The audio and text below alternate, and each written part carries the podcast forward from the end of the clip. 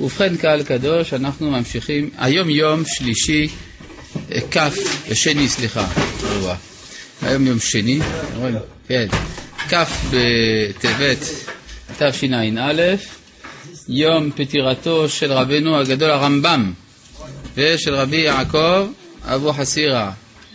זכותם יגן עלינו אמן. עכשיו, אנחנו ממשיכים בספר מסילת ישרים מאת רבנו הרמח"ל. אה, בפרטי מידת הנקיות בפרק י"א. אז דיברנו על הגזל ועל הריבית וכדומה, ועכשיו הגענו אל העריות. כן, מה זה נקיות בעריות? אה, מדבר עתה מן האריות שגם הם מן החמודים. מה זאת אומרת חמודים? שזה דברים שהאדם, זאת אומרת שהאדם חומד אותם. כלומר, היצר המין הוא יצר חזק באדם. בניגוד לנצרות שרואה בו יצר רע, אנחנו רואים בו יצר טוב. זה מה זה טוב שיש לאדם יצרים כאלה? כי זה מכוון להמשכת החיים. ומכיוון שהיצר של המשכת החיים הוא יצר חזק מאוד, כי צריך להמשיך את החיים, לכן גם כל uh, סטייה מהכיוון הרצוי, זה יכול להביא אסונות. לכן uh, כתוב בתורה, למשל לגבי חלק מן האריות, שהם תועבה. מה זה תועבה?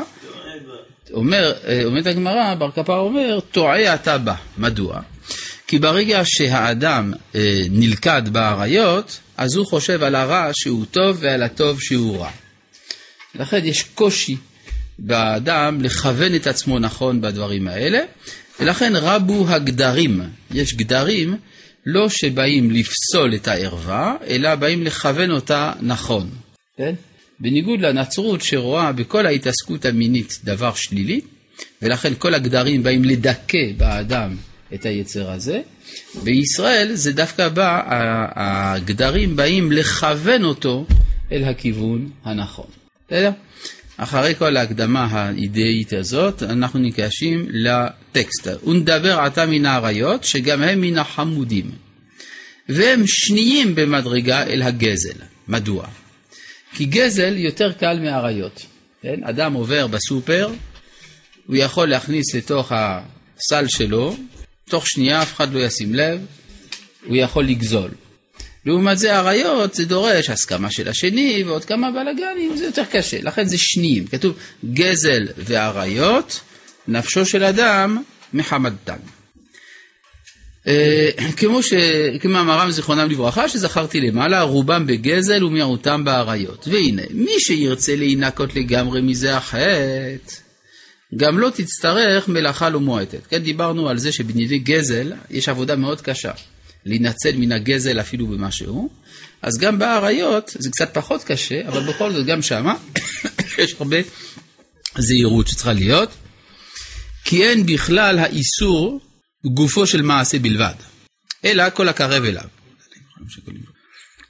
כלומר, מה שהתורה אסרה איננו רק האיסור עצמו של גילוי העריות, דהיינו הביאה, אלא כל מה שיכול להביא את האדם אל הביאה האסורה, הוא בכלל גילוי עריות גם כן.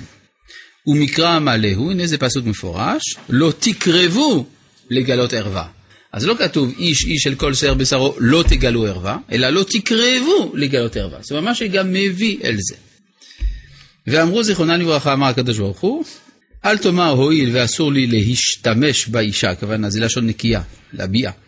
הריני תופסה, ואין לי עוון. הריני מגפפה, ואין לי עוון. ליטוף, מה שנקרא. או שאני נושקה, ואין לי עוון.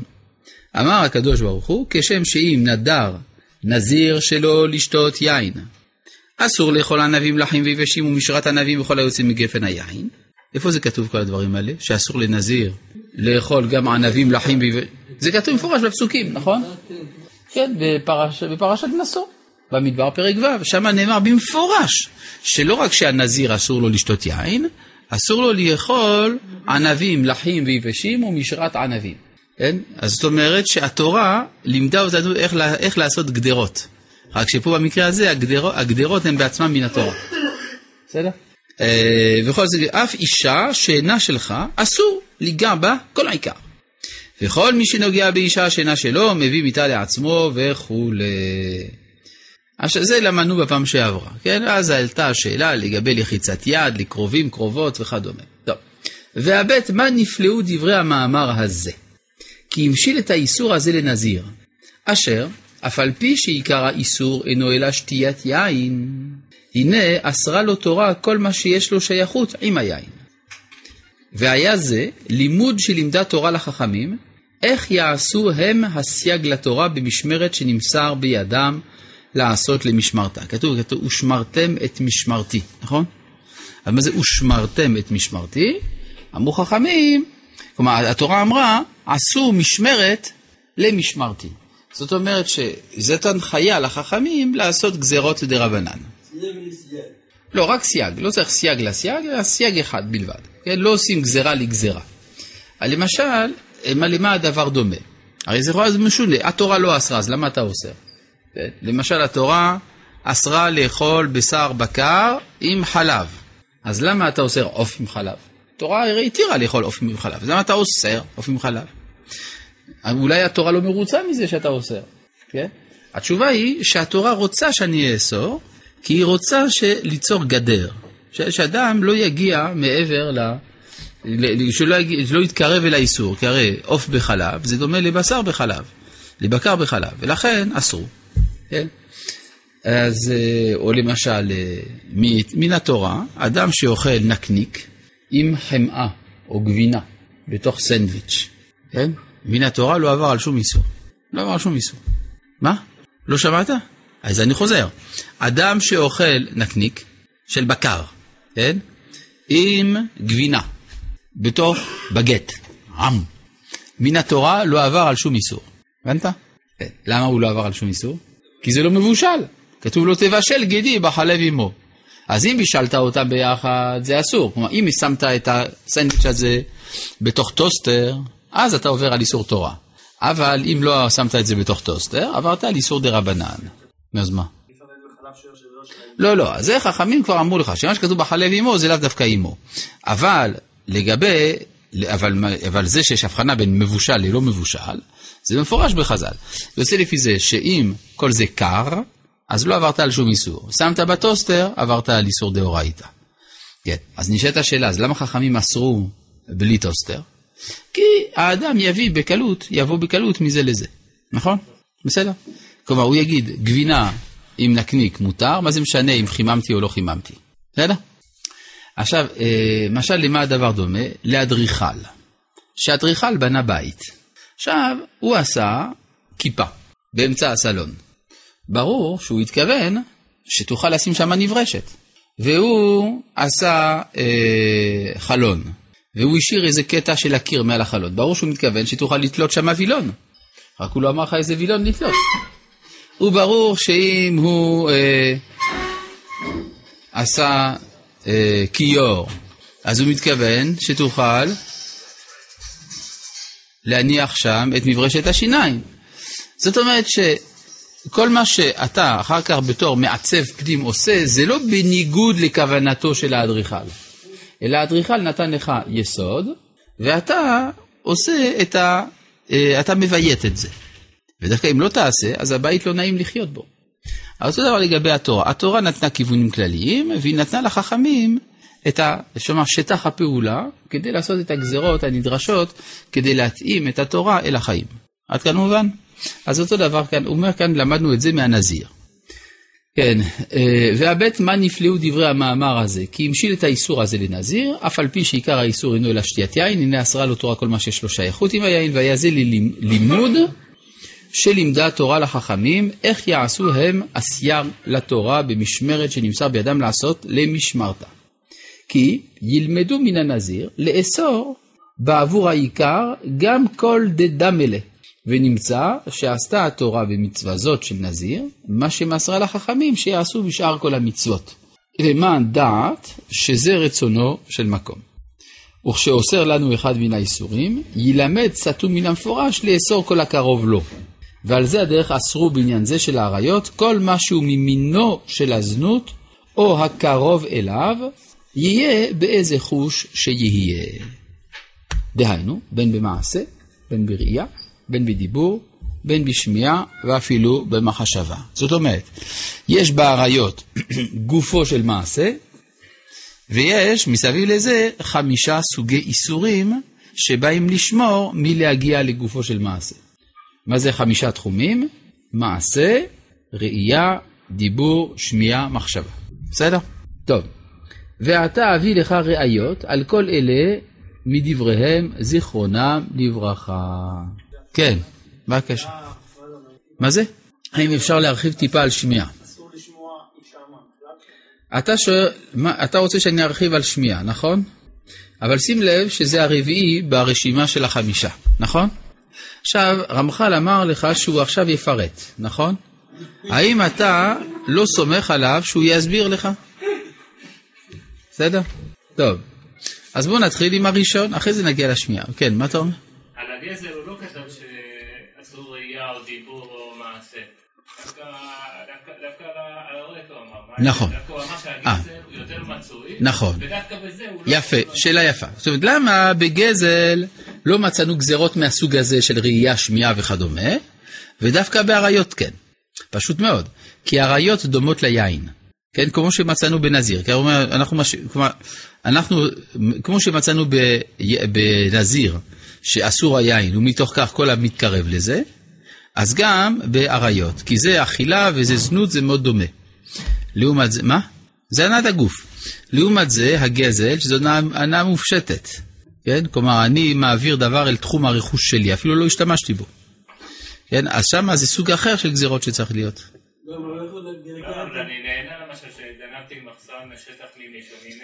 לא. קניתי ממישהו. ברגע שגנבת משהו ממישהו, אתה עוד לא נהנה מזה. כי אתה עוד לא עשית בזה שום שימוש. השימוש הוא דבר אחד, הגזל הוא דבר אחר. אם אני למשל נכנס לחנות ולוקח את אה, הקופה הרושמת עם כל הכסף, איזה הנאה יש לי פה? שום דבר, עדיין הכסף הזה לא בשימוש, עוד לא הוצאתי אותו לכלום. בסדר? ולכן אפשר לומר, צורת הגזרה לגבי הגזל, היא צריכה להיות שונה מצורת הגזלה באיסור הנאה. מובן? בדיוק, כן. לא. נכון, לא. לא נכון. אם אדם עובר ליד בסטה ולוקח את הפרי ואוכלו, הגזל נעשה כשהוא לקח את הפרי, לא, לא כשהוא גזל. לא כשהוא אכל. זה בעיה, בעיה, כל הזמן הטלפון הזה באמצע. מה נעשה? טוב. עכשיו בואו נראה. ועתה אביא לך ראיות על כל אלה מדבריהם זיכרונם לברכה.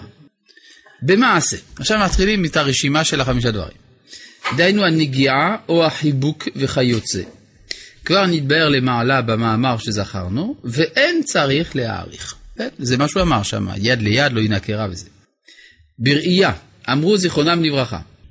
יד ליד לא ינקרה, זה פסוק במשלי, כל המרצה מעות מידו לידה כדי להסתכל בה. מה? כן, סופר, מעביר, כן? לא יינקה מדינה של גיהינם. ואמרו עוד, מפני מה הוצרכו ישראל שבאותו הדור כפרה? מפני שזנו עיניהם מן הערווה. זנו הכוונה הזינו.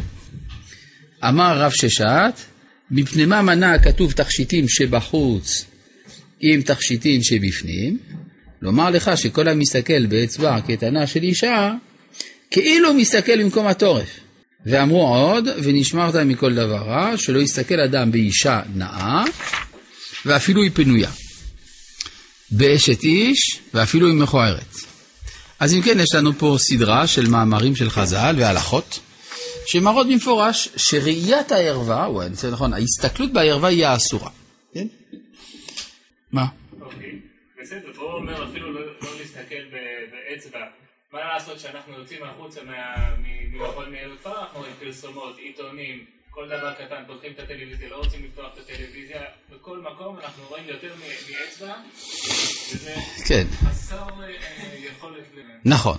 אתה שואל שאלה יפה. מה יעשה אדם שהוא נמצא בעולם שבו הכל גלוי וחשוף, אה? מה נעשה? מה? אז מה, אדם יסתגר בתוך הבית ולא יצא החוצה? זאת השאלה שלך, נכון? כן או לא? לא, זאת לא השאלה? אני לא הבנתי. השאלה, זה פה- יש פה איזה מידת צדקות כזאת, אפילו לא- לא ב- בכף יד, שהמציאות של ימינו היא בכלל לא לא רלוונטית. המציאות של ימינו היא פרוצה מאוד. אז אתה שואל מה עושים במציאות פרוצה? זאת השאלה. אז אני הבנתי את השאלה נכון. אז למה אתה אמרת בהתחלה שלא הבנתי? טוב. אז יש דיון על זה בגמרא במסכת מנחות, אני חושב. יש דיון לגבי אה, רחוב שבו נשים מכבסות. כן? נשים מכבסות. עכשיו, כדי לכבס, אם היו, אתה יודע איך פעם היו מכבסים, היו ככה משפשפים וזה, היה צריך להרים את השרוולים. אז נשים היו מרימות את השרוולים ומכבסות. אומרת הגמרא, אסור, להסת... אסור להיכנס לרחוב הזה, כן? כי זה לא צנוע. הגמרא אחר כך שואלת, רגע, אבל תלוי במה מדובר. אם יש דרך אחרת, אז uh, הוא פושע, כי הרי יכול לעבור בדרך אחרת. אם אין דרך אחרת, אנוס הוא, אז זה מותר, כן? עכשיו. מה זאת אומרת, יש דרך אחרת, אין דרך אחרת? מה זה אנוס? יכול אולי נגיד, לא, ההלכה היא שאתה צריך להישאר בבית. אז כנראה שחז"ל לא חשבו שיש אופציה כזאת לגזור על האדם להישאר בבית. אלא אם אין ברירה, אין ברירה. אז הוא נכנס, אבל ודאי לא צריך ללכת לחפש על מנת להסתכל. כלומר, כוונת ההנאה מן המראה האסור, זה מה שאסור. בסדר? אתה איתי? אז זה נקרא שאין דרך אחרת, אז אנוס הוא. הוא אנוס. אז הוא יעבור ברחוב הזה. בסדר? מה? השאלה אם אסור לו לראות, האם הוא צריך בשביל זה לסגור את העיניים? זאת השאלה שאתה שואל. לפי הגמרא דווקא לא. כי אתה אומר, אם, יש, אם אין דרך אחרת, אנוס הוא, אז מותר לו לעבור ברחוב. הגמרא לא אמרה שצריך לסגור את העיניים. מותר לעבור ברחוב. כן, אבל אסור להסתכל. מה זאת אומרת להסתכל? יש הבדל בין לראות לבין להסתכל. להסתכל הכוונה בעברית של חז"ל, להתבונן. להתבונן. כי אם לא, מה? נשלח להסתכלות. בדיוק, נשלח להסתכלות. הרי יש שאלה, למשל העדים בחתונה, הם צריכים להעיד שפלוני נתן קידושין לפלונית, אז הם צריכים לראות אותה. אם הם לא יראו אותה, אין פה עדות, נכון? אז איך הם יודעים שזאת היא? לכן אל, אלה ששמים אה, כיסוי באופן שאתה לא יכול לדעת בכלל מי זאת, זאת שאלה גדולה אם זה בסדר. לכאורה יש פה פסול בעדות, הם לא מעידים שפלונית התחתנה. מה? שיש פסול, הם דווקא מחמירים. כן, אז אני לא בטוח שזה נכון. כן, אני אגיד לך יותר מזה. כתוב בשולחן ערוך, מה? מזהים אותה לפי האצבע. מזהים, אז הם הסתכלו באצבע, לא משנה, אז גם אסור. אלא מה? אני אגיד לך, אה, כתוב בשולחן ערוך, באבן העזר, יש, יש אה, סעיף מאוד משונה של מרן, מאוד מעניין של מרן. מרן כותב, אסור להסתכל בפני הכלה. רגע, כתוב, רגע, שנייה, רק שנייה, אני רוצה להגיד משהו. כתוב בשולחן ערוך, אסור להסתכל בפני הכלה. אם הפנים מכוסות, אז אין מקום בכלל לסעיף הזה בשולחן ערוך. סימן שהפנים שלה גלויות. אם מרן כותב שאסור להסתכל, סימן שיש מה להסתכל. מסתכלים בגנבה. לא, אבל אתה מבין מה שאני אומר? אני מבין. לא, זו ראייה מפורשת. לכן אלה ש... לא, אלה שמכסים באופן אטום את הפנים של הכלה, אז הם הופכים את הסעיף הזה בשולחן ערוך לצחוק. איך אפשר להסתכל? אבל בכל זאת אפשר להסתכל, מה, אסור להסתכל מתחת לצעיף? עכשיו, מצד שני, הרי כתוב במפורש שמגלים את פני הכלה. אה, אז איך, אז מה זה אסור להסתכל? אסור זה לה... העדות. אבל, אבל, לא, לא, לא, לא, לא, העד צריך לראות, צריך לראות שזאת פלונית. אלא הכוונה שאסור להתבונן, התבוננות שיש בה הנאה, זה הכוונה. טוב, אה, גם יש עוד דבר שכדאי לדעת להלכה, אסור לאדם לישא אישה ב- אה, לפני שיראנה. צריך לראות איך היא נראית. אבל זאת לא אשתו. כן, אבל היא פנויה. אז מותר להסתכל בפני פנויה כדי לדעת אם היא מוצאת חן בעיניו או לא, נכון? אבל אומר הרמב"ם, איזה ביטוי עדין כזה, אומר, רק לא יסתכל דרך זנות. לא יסתכל דרך זנות. אלא יסתכל לראות אם היא נאה בעיניו. כן, הרי אם היא לא תהיה נאה בעיניו, איך יתחתן איתה? אחר כך הוא ישנא אותה כל החיים. בלתי אפשרי. כן. אז זה מה שאמרו כאן, שלא להסתכל, הכוונה להתבונן, אבל לראות, מותר לראות. בסדר? לכן גם אה, טיפול של רופא הוא מותר, בגלל שהוא לא עושה את זה לשם הנאה, הוא עושה לשם מקצועיות. כן. טוב, כן. מה? אבל אנחנו במציאות של קרב אה, יומיומי. למה קרב יומיומי? קרב, יומיומי, אם אתה יוצא לרחוב, אם אתה אה, צריך להשתמש במחשב ובאינטרנט. אגב, אמרו, אה, אה, החסידי ברסלב אומרים, כי תצא למלחמה. לצאת זה מלחמה. ככה הם אומרים. זה. אה, זה- זה אפילו לא זה, זה לא מצחיק, זה ממש יוצא למלחמה. הרבה אנשים. זה ברור, זה טוב שיש לאדם יצרים. בלי אדם בלי יצרים הוא אדם חולה, כן? והשכל גובר על היצרים, מה זאת אומרת? פשוט מאוד. זה התנא רבי חרש אה? סיבל את שני העיניים שלו. טוב, אז זה היה מקרה קיצוני, היה אדם מיוחד וזה, טוב. טוב, בעניין הדיבור עם האישה. בהדיא, אז זה ברור שכל התרבות היום המקולקלת של פורנוגרפיה וכולי, שהיא מלכתחילה מביאה את האדם להסתכלות, ברור שזה קלקול אדיר בנפש. מדוע זה קלקול אדיר בנפש? בגלל שזה משעבד את האדם לבהמיות שלו במקום להרים אותו. בעניין הדיבור עם האישה, בהדיא שנינו, כל המרבה שיחה עם האישה גורם רעה לעצמו. אם כן, מפורש גם שהדיבור עם האישה איננו ראוי. האמת היא, מה דיברו כאן? שיחה, נכון? מה ההבדל בין שיחה לדיבור? עם השיבה? לא, שיחה זה דברים של מה בכך. דיבור זה דברים רציניים, דברים רציניים זה בסדר. רק אה, דברים של שיחה. כן, כתוב כל העוסק בדברי תורה, הוא פורש לדברי שיחה. מאכלים זו גאיכה לרתמים. הרי הגמרא אומרת ככה, המשנה אומרת, אל תרבה שיחה עם האישה, באשתו אמרו, קל וחומר באשת חברו. מה זה באשתו? אה, הוא לא צריך לדבר עם אשתו? זהו, ההבדל הוא אם זה לדבר או להשיח. לדבר עם אשתו, אדרבה, שיהיה הרבה דיבור. להשיח, אל ירבה שיחה. למה היה צריך להגיד באשתו דווקא? כי באשתו צריך קצת שטויות. כלומר, בלי קצת שטויות אין אהבה. אז מאחר וראוי לדבר בענייני שטויות עם אשתו, אז היה מקום לחשוב שצריך להרבות בזה. אולי הידור מצווה, להרבות בשטויות עם אשתו. כן, הידור מצווה, צריך להראה אהבה. אז בדיוק על זה אמרו שאף על פי שראויה השיחה, צריך שהרוב יהיה בדברי חוכמה. כן? זה הכוונה. כן. למה אהבה תלויה בשטויות? אהבה, למה היא תלויה בשטויות? אני לא יודע למה, אבל זאת העובדה. זאת, עובדה, שהאהבה צריכה לשם פרנסתה גם שטויות. אה, וכשיוצאים עם מישהי, שעוד לא אשתך. אה, יפה מאוד. אתה שואל ככה, מה שנקרא דייטים בלעז, כן. אני אומר לך משהו, לפעמים אנשים שואלים אותי, תראה, אני יוצא עם בחורה פלונית כבר ארבעה חודשים, אני לא יודע אם להתחתן איתה או לא להתחתן איתה, מה אתה אומר, כבוד הרב? אז אני שואל שאלות. אחת השאלות זה, איך, נע, איך עוברות הפגישות שלכם? אומר, אנחנו צוחקים כל הזמן. כשמישהו עונה לי ככה, אני יודע שזה לא ילך. בוודאות. כי אם העיקר של המפגש הוא על צחוקים, זה סימן שיש משהו שרוצים להדחיק, משהו שלא רוצים לדבר עליו, ואז הצחוק ממלא את, ה, ממלא את החסר. הוא, הוא בא לתת מילוי לריקות שיש בקשר הזה, ולכן צוחקים.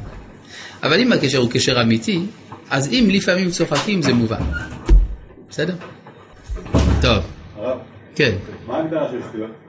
מה ההגדרה של שטויות? אה, ההגדרה של שטויות זה הפך החוכמה, כן? אם היא סיפרה לך, הלכתי לשוק וקניתי ועשיתי, אז זה הבלים, מה שאתה אומר. הלכתי לשוק וקניתי ועשי- ועשיתי. זה הבלים. זה תפלות. בסדר, זה דרכן של נשים, שהן עוסקות בשטויות. למשל, באיזה בגד לקנות, ואיך להכין את הפשטידה וכדומה. כל הדברים האלה הם שטויות, אבל זה דרכן של נשים, זה טבעי, זה הגיוני. הבעיה היא, כי לא אמרו אל תרבי שיחה עם בעלך, זה בסדר. מה שאמרו זה בכיוון השני. כן? מה שאמרו זה בכיוון השני. אל תרבה שיחה עם האישה. זאת אומרת, לא להיות שבוי בדבר הזה. זה הכוונה. לא. מה? מה? שיחה לא הדדית. לא, זה בסדר. זאת אומרת, אדם לא צריך לבוא בטענות אל אשתו על זה שהיא אוהבת בגדים יפים, או על זה שהיא אוהבת תכשיטים, או על זה שהיא אוהבת מתכונים, וכל מיני דברים כאלה. כי זה דרכה של הנשיות, זה בסדר. זה בסדר. רק שהאיש לא צריך להיות שבוי בזה. כן, לכן אדם צריך לקנות מראה לאשתו, הוא לא צריך להסתכל במראה, זה הכל. כן. אה, ובשמיעה. הנה, עכשיו דוגמה של השמיעה, שאתה ביקשת שנרחיב, נכון? אז הנה הוא מסביר לך מה זה השמיעה. אמרו, קול באישה ערווה. כן, הרי הקול של הנשים הוא קול יפה. ואז הוא מרגש את הנפש של האדם.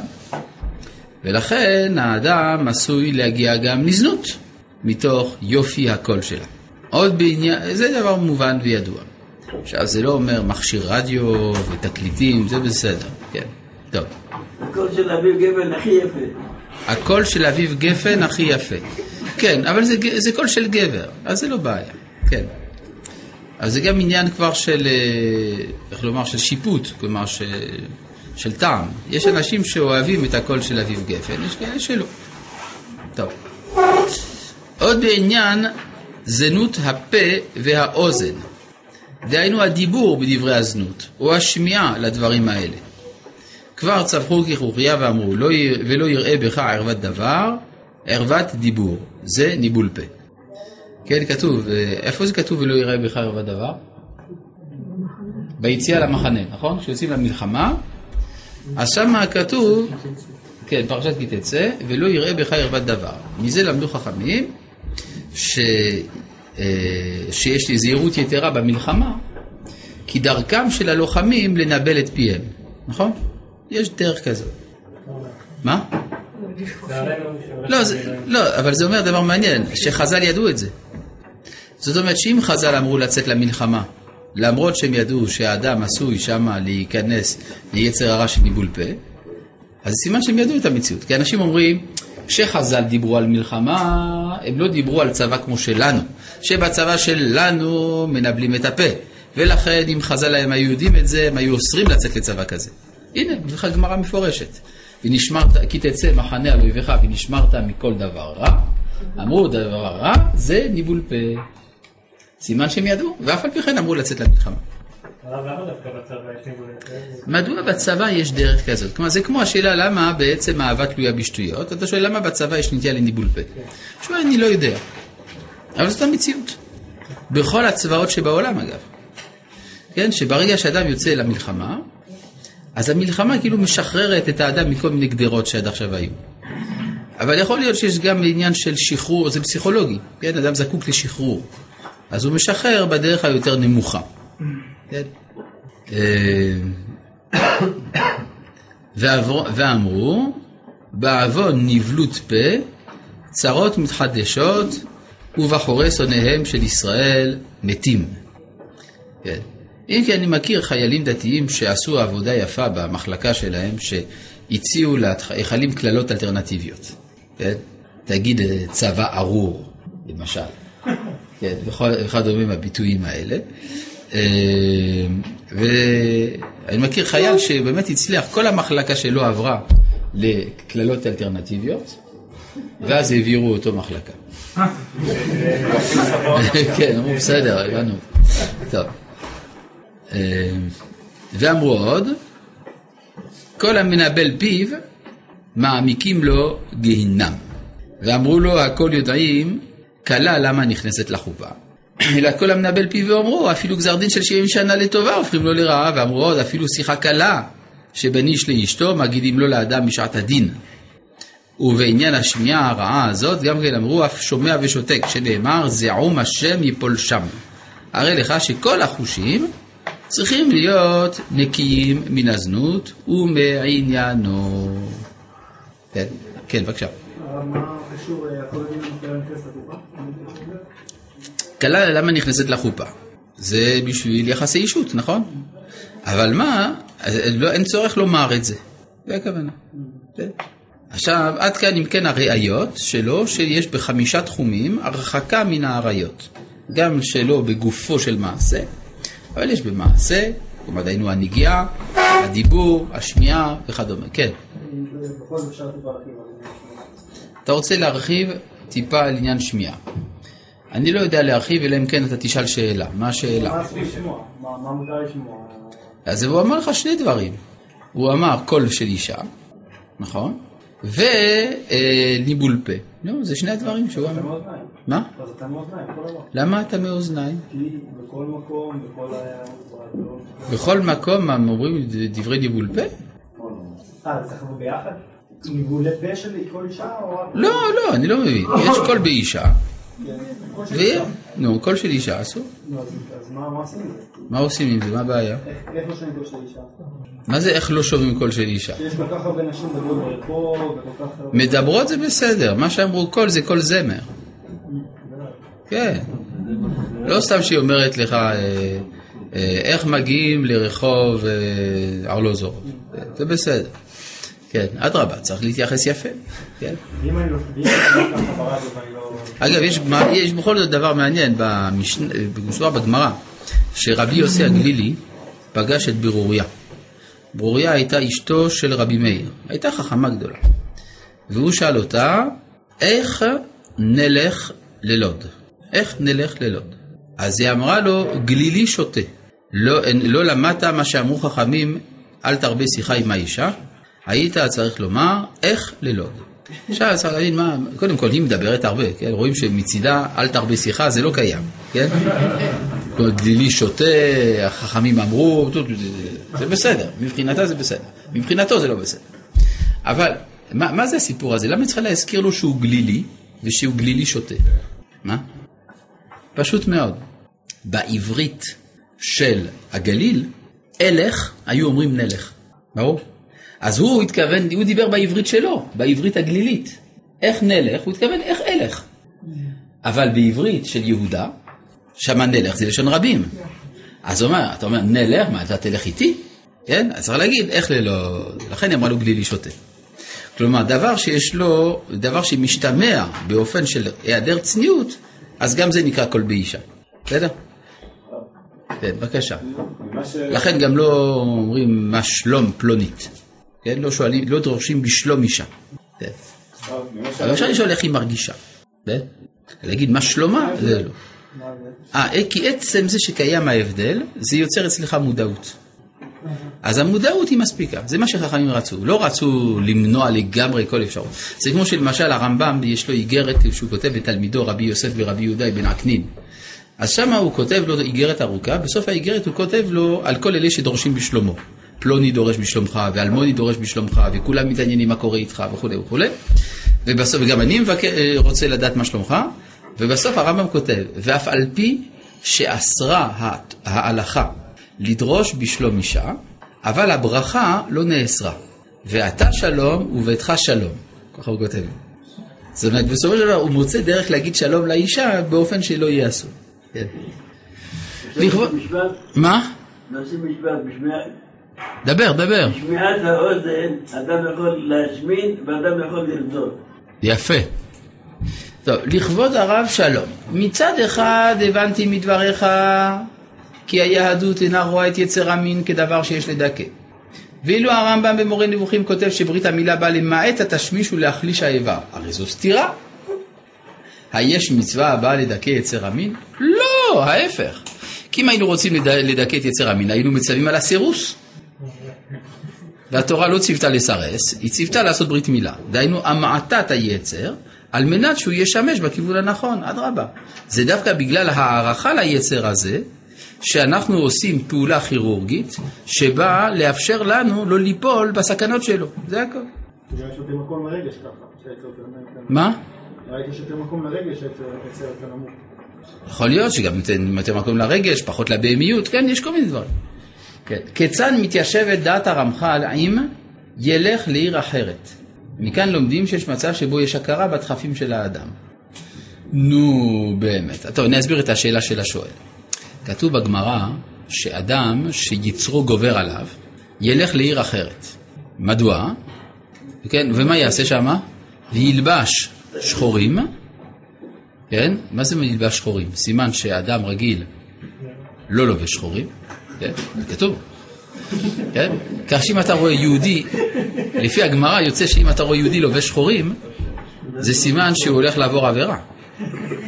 זה גמרא מפורשת. כן? רק כתוב. אז אדם שרואה שיצרו גובר עליו, ילבש שחורים, וילך לעיר אחרת, ויעשה מה שליבו חפץ. ככה כתוב. אז רש"י כותב, כדי שלא יהיה חילול השם בדבר. נגיד, אתה רוצה לעבור עבירה, לפחות שלא יהיה חילול השם. התוספות אומרים, דבר מעניין מאוד, התוספות אומרים, חס ושלום לא הותרה העבירה. אלא מתוך שלובש שחורים והולך לעיר אחרת, ליבו נשבר ונמנע ולא עושה. עכשיו נשאלת השאלה, מי צודק, רש"י או התוספות? אם תגידו שרש"י צודק, איך אתם מעזים לחלוק על התוספות? ואם תגידו שתוספות צודקים, איך אתם מעזים לחלוק על רש"י? יש לנו פה בעיה. אלא, מורים לו הלכה למעשה כמו רש"י, ואז למעשה הוא עושה כמו התוספות. כי היצר אינו פועל אלא בדבר האסור. ברגע שהדבר מותר, אז הוא נשלט. כן, זה גמרא מפורשת במסכ... בירושלמי, מסכת יומא. על רבי חנינא ורבי חגה. רבי חנינא היה ביום הכיפורים, כנראה שהיה חולה או משהו כזה, לא הרגיש טוב. ואדם שהוא חולה ביום הכיפורים, אז אה, אם הוא רוצה לשתות, מה הוא צריך לעשות? לשאול את הרב, נכון? הרב צריך להעריך האם מותר לו לשתות אסור לו לשתות. אז רבי חנינא אמר לרבי חגה, אני צמא, צחינא למאיה, זה ביום כיפור. אמר לו רבי חגה, לך תשתה. התיר לו, כן, לך תשתה. אחרי כמה זמן, הוא חוזר, הוא רואה שרבי חג, חנינא לא שתה. אמר לו, מה קרה? הוא אומר, מאז שהתרת לי, אני כבר לא צמא. כן? ומזה לומד הגמרא שאין יצר הרע מתאווה אלא לדבר האסור. אבל ברגע שהדבר הוא הותר, אז יש יותר שליטה בדבר. אז זה בדיוק מה שקורה שם עם אותו אחד שם שאמרו לו ללכת למקום שלא מכירים אותו, זה מתוך כך, אין, אה, יימנע. טוב. לרב שלום וברכה, אישה סוטה, קורעים את בגדה. מדוע מותר לעשות זאת? האם זה לא מכשיל את הגברים, הכהן, בברכה? זה נכון, אבל מצד שני זה כמו רופא, שהרופא עסוק, ב... הוא עסוק בטיפול, כן, עסוק במלאכתו. כיוון שהוא עסוק במלאכתו, אין פה יצר הרע. אה, הרב מתכוון שכל דברי האישה על דברים חומריים הם שטויות במיץ עגבניות? לא. אמרתי שהם דברים טפלים. זאת אומרת, ההתעסקות בקישוט וכדומה, הם דברים טפלים, אבל הם עצמם מרכיבים את החיים, בשביל זה זה קיים. כלומר, השטויות שנשים עוסקות בהן זה לא דבר רע, זה טוב, זה חלק מהנשיות. זה חלק ממה שגברים צריכים אולי אפילו ללמוד. כן, כלומר, בקשר הזוגי, אז הגברים לומדים מהנשים דברים שהם לא שמים לב אליהם, ולהפך, נשים לומדות מהגברים דברים שהם לא שמות לב אליהם. מעשה תמר, האם יש איסור קדשה? ואם היא אסורה, מה משמעות עניין ההלכה של תקפו יצרו? טוב, אני לא בדיוק מבין האם החלק השני של השאלה קשור לחלק הראשון, אבל נאמר ככה. האיסור של הקדשה בימי תמר לא היה קיים. כן, זה הרמב"ם מפורש בהלכות אה, איסורי ביאה, שלפני מתן תורה קדשה הייתה מותרת. תקפו יצרו, אין הכוונה שם. אם מדובר על יהודה, אם אתה מתכוון שם לשאול על יהודה, אז יהודה שם כתוב תקפו יצרו, לא יצרו הרע, כי זה היצר לא רע. רק שהוא סתם ככה לא היה מעוניין לבוא סתם על קדשה. אבל על מנת שתצא מלכות בית דוד, אז ההשגחה סדרה שיתקפהו יצרו. טוב, הלאה. הרב, כן. מה זה שומע ושותק? מה זה? מה זה שומע ושותק? אז שהוא משלים עם זה, הוא מבסוט מזה. הוא נותן, אני לא אגיד אה, ניבול פה, אחרים יגידו. כן, זה הכוונה, שומע ושותק. כן, או שהוא רואה שכל השיחה הולכת להיות בכיוון הזה, והוא, יש ביכולתו לעצור את זה, והוא לא עושה את זה. זה הכוונה. כן. ואם לחשך אדם לומר, עכשיו, יש פה עצת היצר הרע, שמה שאמרו על ניבול פה אינו אלא כדי לאיים ולהרחיק אדם מן העבירה.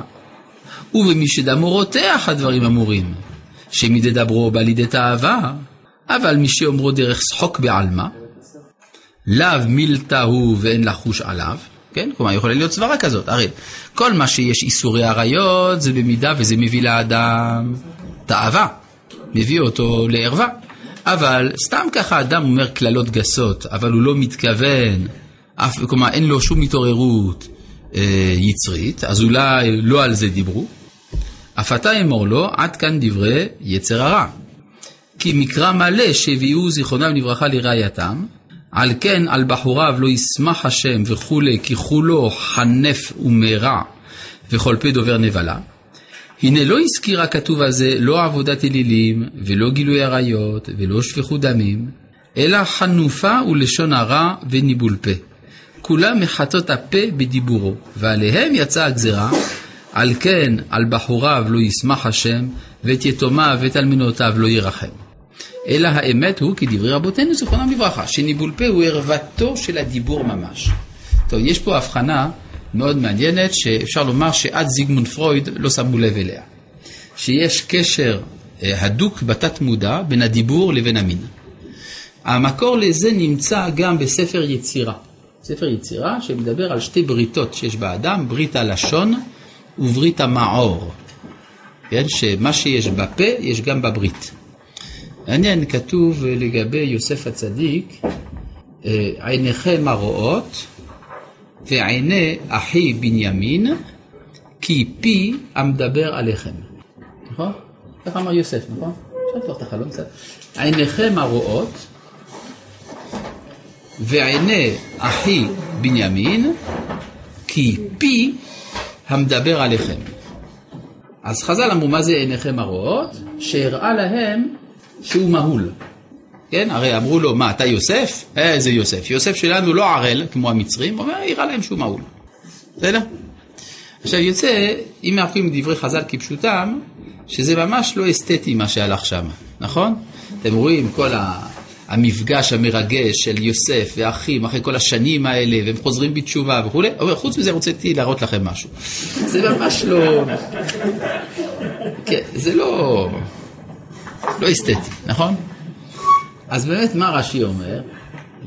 צריך להבין מה שרש"י אומר.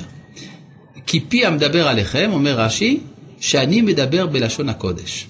במילים אחרות, לפי איך שהאדם מדבר, אפשר לדעת אם הוא מהול או לא. יש רגישות, אפשר לדעת את זה.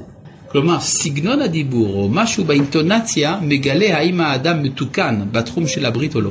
יש משהו שמגלה את זה. אז זה מה ש... לכן זה, זה מתחבר לדברים שלו, שהוא אומר כאן, שניבול פה הוא ערוותו של הדיבור, ממש. ומשם זנות הוא שנאסר. ככל, ענייני, ככל שאר ענייני הזנות, חוץ מגופו של מעשה, שאף על פי שאין בהם כרת ומתאבדין, אסורים הם איסור עצמם. מלבד היותם גם כן גורמים, ומביאים אל האיסור הראשי עצמו, וכעניין הנזיר שזכרו במדרש, שהבאנו למעלה. עד עכשיו, אם כן, ראינו ארבעה מתוך חמשת הגדרים של הערווה. החמישי, מה קרה? זו שאלה? הערה, נדבר, אמור נא. זה שאפשר לראות על בן אדם אם הוא נלמוד או לא? כן, אפשר לראות את זה. זה נשמע לי כמו השערה, כמו סטטיסטיקה כזאת, שזה... לא, לא, זה אפשר, זה עניין של רגישות, כן? אבל אי אפשר לראות את זה. כן? יש אנשים שרואים את זה. כן? זה כמו שיש אנשים שיכולים להגיד לך, רק מסתכלים על הפרצוף שלך, יודעים אם אתה צמחוני או לא. אני מכיר אדם כזה, שהוא אמר לי, אני רואה על הפנים של אנשים אם הם אוכלים בשר או לא. וזה אכן אמת. אז יש רגישות, אפשר לחוש את זה. כן? יש איזה שידור של הקדושה, או של היעדר הקדושה, דרך הפנים של האדם. כי הפנים זה מקום ההערה של הנשמה. והראיה שאדם חי ואדם מת, אף על פי שהפנים שלהם אותם פנים, זה מת וזה חי ורואים את זה. כן? טוב. בעניין... מה? בבקשה, עוד הערה, כן? הרבה אנשים מסתכלים על זה בתור עניין טכני, לאו דווקא... מה טכני? מבחינה בריאותית. אה, לא, הברית, ברית המילה זה לא ברית מילה אה, טכנית, אה, בריאותית. מדובר על הברית, כן? לא סתם חיתוך. זה כריתת ברית עם הקדוש ברוך הוא, זה לא סתם. כן? יש לזה משמעות בתחום המוסרי. לכן מה שהיום יש אה, נוהגים לעשות בריתות רפואיות, זה מאוד לא פשוט הדבר הזה, גם מבחינת ההלכה. שברית רפואית לא תמיד היא כשרה, צריכה ברור של הדבר הזה. דבר נוסף, היא גם יותר כואבת לתינוק. כלומר, ברית שעושה מוהל, זה הרבה יותר אה, רחמני לתינוק מאשר ברית של רופא. רק שתדעו את זה. זה למה הם כרגע עושים את המודה הזאת? המודה זה בגלל שאנשים רוצים להיות אה, אספטים, נקיים, מחוטאים. כמעשה הגויים? כי בארצות לא, הברית עושים לך את זה שם. כן, אני יודע. טוב, בעניין המחשבה, כן, אז יש גם איסור של עריות במחשבה. כבר אמרו בתחילת הברייתא שלנו, ונשמרת מכל דבר רע, שלא יהרהר אדם ביום ויבוא לידי טומאה בלילה. ואמרו עוד, הרהורי עבירה קשים מעבירה. ומקרא מלא הוא, תועבת השם מחשבות רע. למה הרהורי עבירה קשים מעבירה? כי ה... אז זה הרמב"ם מסביר במורה נבוכים. בגלל שההרהור נוגע בחלק היותר אצילי של האדם, שזה שכלו, בעוד שהעבירה נוגעת בגוף, והגוף פחות נכבד מן השכל. אז מה זאת אומרת מחשבה? מחשבה הכוונה שהאדם מעסיק את עצמו בזה. כן, כי הרי באמת שאלה גדולה, אנחנו חיים בעולם שהוא מלא בזוהמה. אז הזוהמה, אנחנו טובלים בתוכה. אז מה אתה אומר שלאדם לא תהיה מחשבה רעה? אתה הכשלת את כל בני אדם בעבירות לפי זה. מסביר הרב קוק בעין היה, אני לא זוכר איפה זה, אבל הוא אומר שמאחר ואנחנו חיים בעולם מלא זוהמה, הזוהמה הזאת עוברת דרך הראש שלנו. אבל אפשר לתת לה ברגע שהמחשבה... מה? יש מקרה. לא, אני אומר, תן לי להסביר, אז אתה תראה שיש הסבר אחר. כן, שהמחשבה יכולה לעבור דרך נפשו של האדם וללכת. אז האיסור זה להגיד לה, אה, אם כבר מחשבה פלונית הגעת אליי, תישארי פה. כן? כלומר, ההתמקדות במחשבה היא בעצם האיסור. כן. ואז בעצם איך נלחמים במחשבה זרה? על ידי מחשבה טהורה. כן? לא על ידי שאדם נלחם ברע, אלא על ידי שהוא מוסיף טהרה. ממילא גם המחשבות נעלמות. אז גם מקווה יכול להועיל. מקווה זה גם יכול להיות, זה, איך איך אומרים? זה גם, זה לא במקום. בסדר? כן. והנה, דיברנו משני גופי עבירות חמורות, שבני אדם קרובים להיכשל בענפיהם מפני רובם של הענפים, מה זה, כלומר ריבוים, הכוונה, רובם הכוונה ריבוים של הענפים, ורוב נטיית ליבו של אדם בתאוותו עליהם, שזה אם כן אמרנו גזל ועריות. כן, גזל ועריות, נפשו של אדם מחמתם. ויש מדרגה שלישית, שהיא המאכלות האסורות, ובזה נעסוק בפעם הבאה. שלום. אה, יש שאלה. מדברי הרב שהיצר תוקפו כשיש איסור. הרי המסקנה צריכה להיות צמצום הגדרים על מנת למנוע התגברות היצר ולא הגברת האיסורים. היכן הגבול? קווים נפרדים, הפרדה בתנועות נוער? אתה צודק. זה פה הערה מאוד מאוד חשובה, אני מבקש עדיין אה, לתת לי עוד דקה להתייחס לנושא הזה. לפעמים מרוב שהאדם עסוק בלגדור, הוא מפתח ראש מלא במחשבות פסולות. כן, לפעמים, אה, כלומר, אתה אומר, טוב, אתה תעשה רחוב לגברים, רחוב לנשים. אז השאלה היא, על מה בני אדם חושבים כל הזמן? אם כל הזמן מה שמעסיק אותם זה מה להפריד, זה סימן שיש בנפש משהו לא לגמרי בריא, כן? אז ודאי שצריך לעשות אה, חשבון בדבר הזה, כן? כי לפעמים אתה יכול לשים אה, קיר הפרדה עם שברי זכוכית למעלה, ומשמר מלא, אה, משמר עם, עם מקלעים, והשאלה היא מה השארת בראש של האנשים. הכרתי אישה צדקת, באמת צדקת, שפעם הלכה ברחוב וראתה אדם לבוש כמו שצריך, כן? שרק ראה אותה, הזיז את הראש ככה. אז היא תפסה אותו ואמרה לו, תסתכל עליי ותחשוב על הקיר, במקום להסתכל על הקיר ולחשוב עליי. טוב.